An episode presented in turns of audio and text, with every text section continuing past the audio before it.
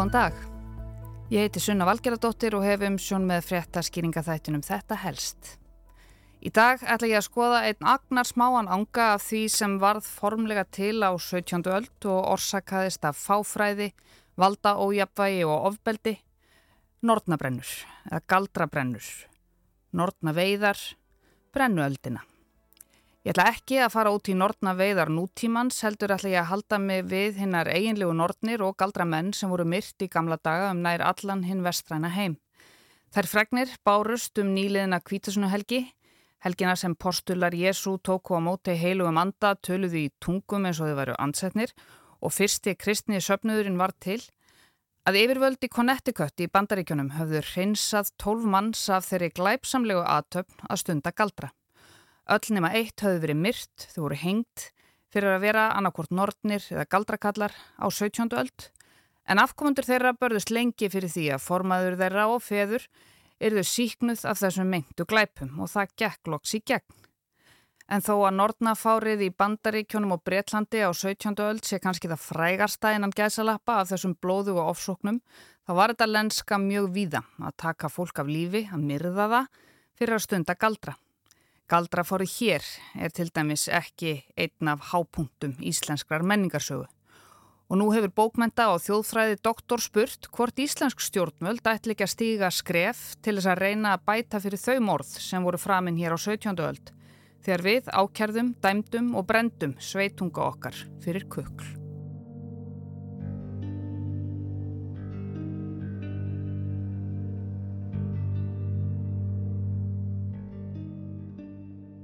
Eru galdrar til?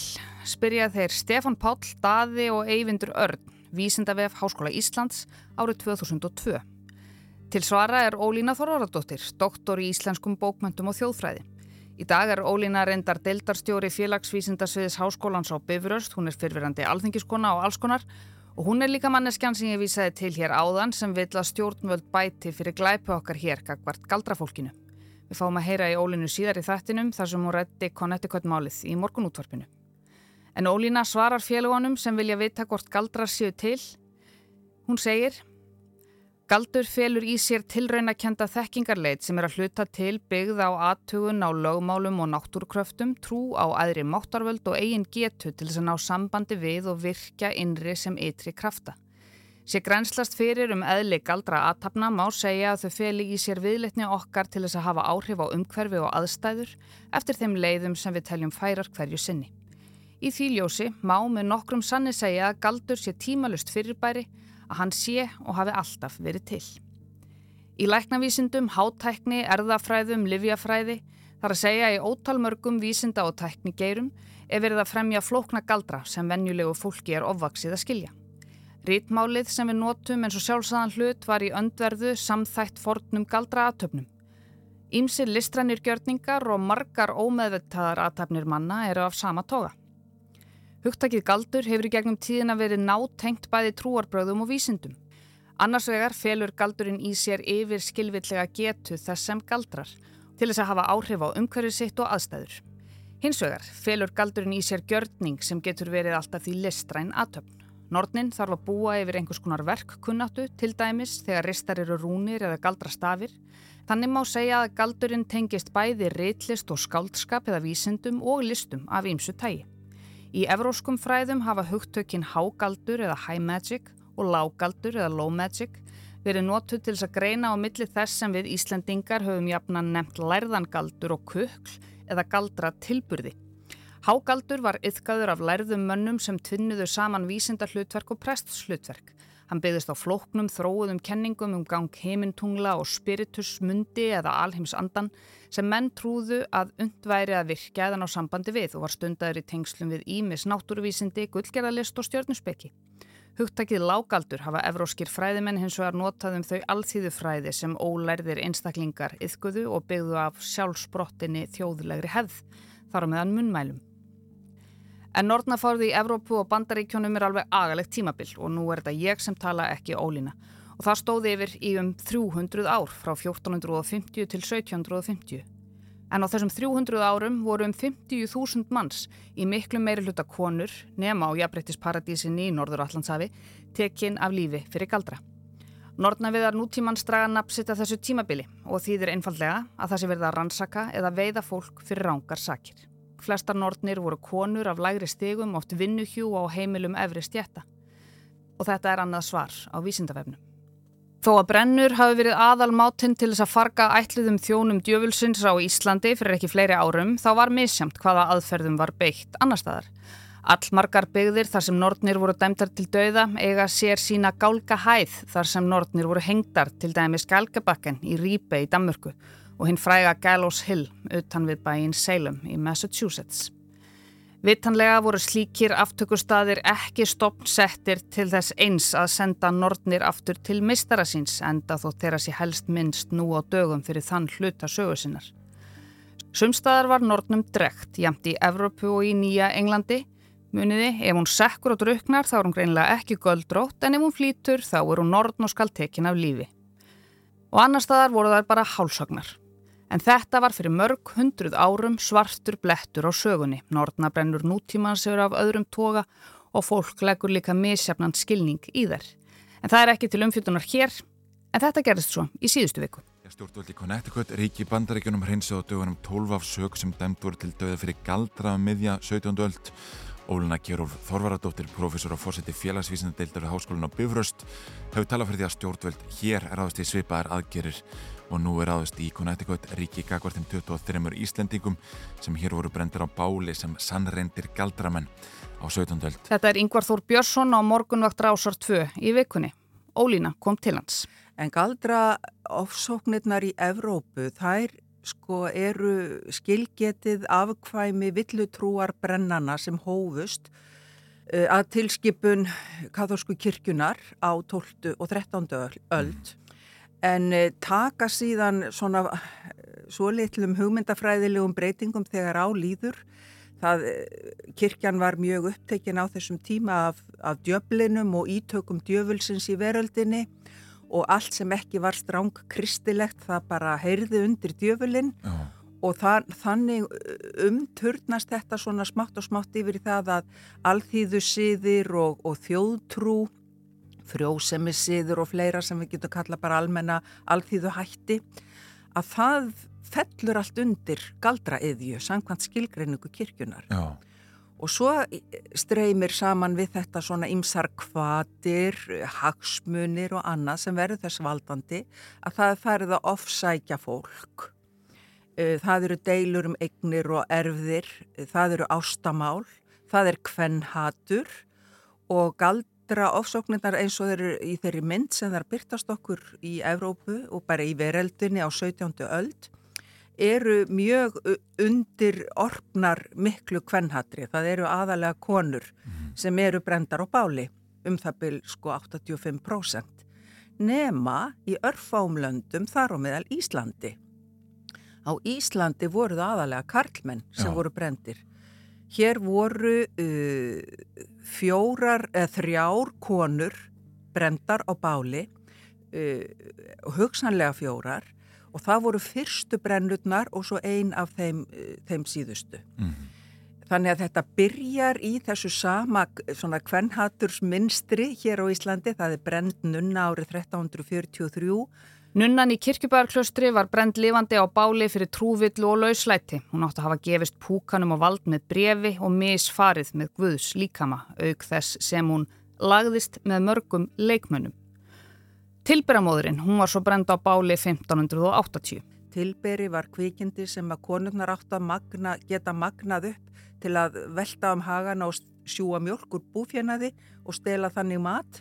Barnsmorðingin Guðrún Þorsteinstóttir var brend 1608 fyrir að myrða tveggjára barn með því að henda því ofan í sjóðandi grautarpott. Hún var líka kalluð Sönn Refsi Nord í, hérna, í annálum en svo byrja sko galdra ofsóknirnar, svo kemur fyrsta galdra málið upp 1625 og eftir það þá eru það aðalega karlar með einnu undantekningu. Svo undantekning var Þurriður Ólafstóttir, vinnukona hjá Sjera Páli Björnsinni í Selárdal. Hún og sonurennar voru brenda á báli eftir sakjur um að Þurriður hafi valdið konu prófastsins veikindum með göldrum.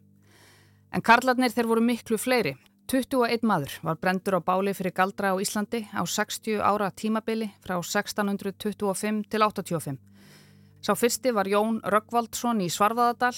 Þrýr voru brendir á ströndum, sagan af þeim ber heitið Undrin í Trekillisvík. Kirkjubólsmálið tók tvo á bálið, feðga.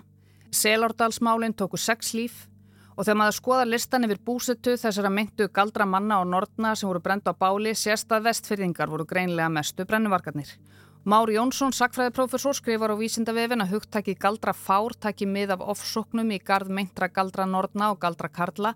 Íslandi fer best á því að miða upphaf galdra fársins við það þegar þrýr karlar voru brendir í Trekillisvík haustið 1654 munið undrin í Trekillisvík en það hefði gerst svo árið 1625 í Svarfaðardal að Jón Röggvaldsson var brendur fyrir að vekja upp draug og senda hann til þess að valda öðrum manni skada og drepa hross. Megin þráðurinn sem ég sé í þessu íslensku galdramálunum, það eru annars vegar ástamálinn, karlmennir eru eh, að lenda í einhverjum ástaræfintýrum eða fleka konur, skilja eftir óhamingju sama konu og reyðan eiginmann því að þær voru oft giftar. Og ég er með nokkur svona mál sem ég hef skoðað það veldur ílsku og hérna ásökun um galdra þegar konunum fyrir að líða illa og þær fara að saka þá um að hafa valdið sér veikindum og, og, og, og hérna þjáningu. En í sko lang flestum tilfellum þó, þá eru þetta varnaráð sem verið er að beita og lækningar. Mm. Lækningar á þessum tíma eru náttúrulega, það var önnur hugmyndafræði kringum þær þá heldur en er í dag menn notuðu mikið lífgrös, livjagrös og alls konar svona ráð, þekkt heimilis og húsráð til, við lækningar. En meðfram öllum lækningum þurfti líka að koma eitthvað andlegt tillegg, eitthvað andleg viðbót þar að segja bænir eða særingar.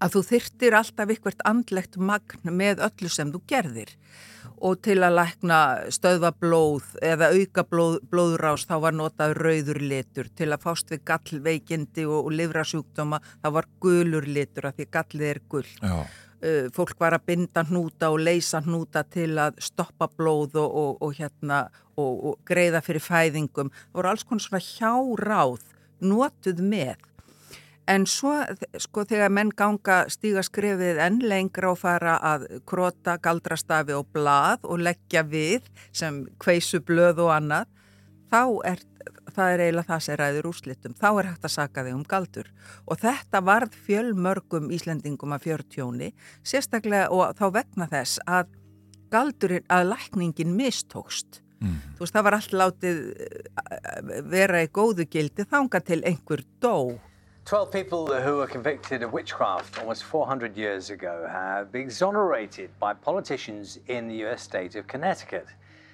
11 of them were hanged after trials which the state senate now say were a miscarriage of justice. It follows a long-running campaign by descendants to clear the names Ég er mjög áhugasum um það að Íslandingar ger að við gerum þetta. Þetta hafa eh, nokkuð lönd gert, þetta var hérna sko réttarhöldin í Salem voru til dæmis líst bara lögleisa árið 1702 og 1957 að þá baðst Massachusetts fylki formlega afsökunar á þeim ofsóknum.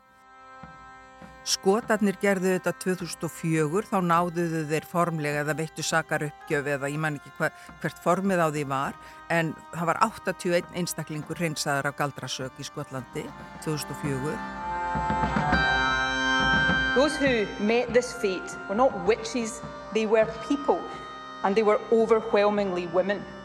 At a time when women were not even allowed to speak as witnesses in a courtroom They were accused and killed because they were poor, different, vulnerable, or in many cases just because they were women.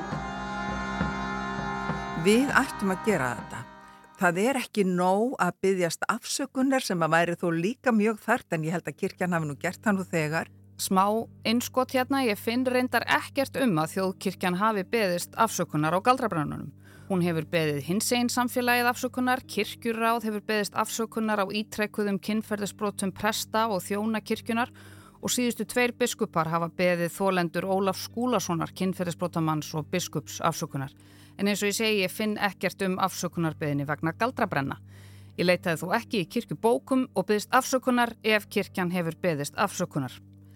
En Ólína hún segir að það hafi verið sínt fram á það fyrir löngu að aftökurnar voru byggðar á hálgerðri lög leysu og áttu sér oft bara einfallega enga lagastóð í íslenskum lögum. Það er full ástæða bara og væri fullu grundöllu fyrir því að taka þessi mál og skoða þau og, og hérna hver upp nýja dómar reynlega. Skiptið að máli að, að reynsa einhvern á sög sem einmitt létt lífið fyrir 400 ár. Já, misgjörð er misgjörð og nafn þessa fólks hefur verið mengað með galdrasög. Yngvar spyr hvort það sé eðlilegt þá að greiða afkomendum fórnalampana bætur en Ólína segir það langsótt, það er of langt síðan, en þetta sé spurningum réttlæti. Það væri alveg brjálað að gera í eldiviðatýnslu hjá verstfisku ráðamönnunum eða væri uppi í dag því vikka sem er eins konar nortna trú eru þau trúarbröð sem fjölgar hvað hraðast í í hinnum vestræna heimi þessa dagana. En það er nú bara efni í annan þátt. Ég heiti Sunna Valgeradóttir og ætla ég nú að láta þessu lokið í dagum hinnar upphaflegu nortna brennur og nútíma réttlæti. Takk fyrir að leggja við hlustir og við heyrumst aftur á morgun.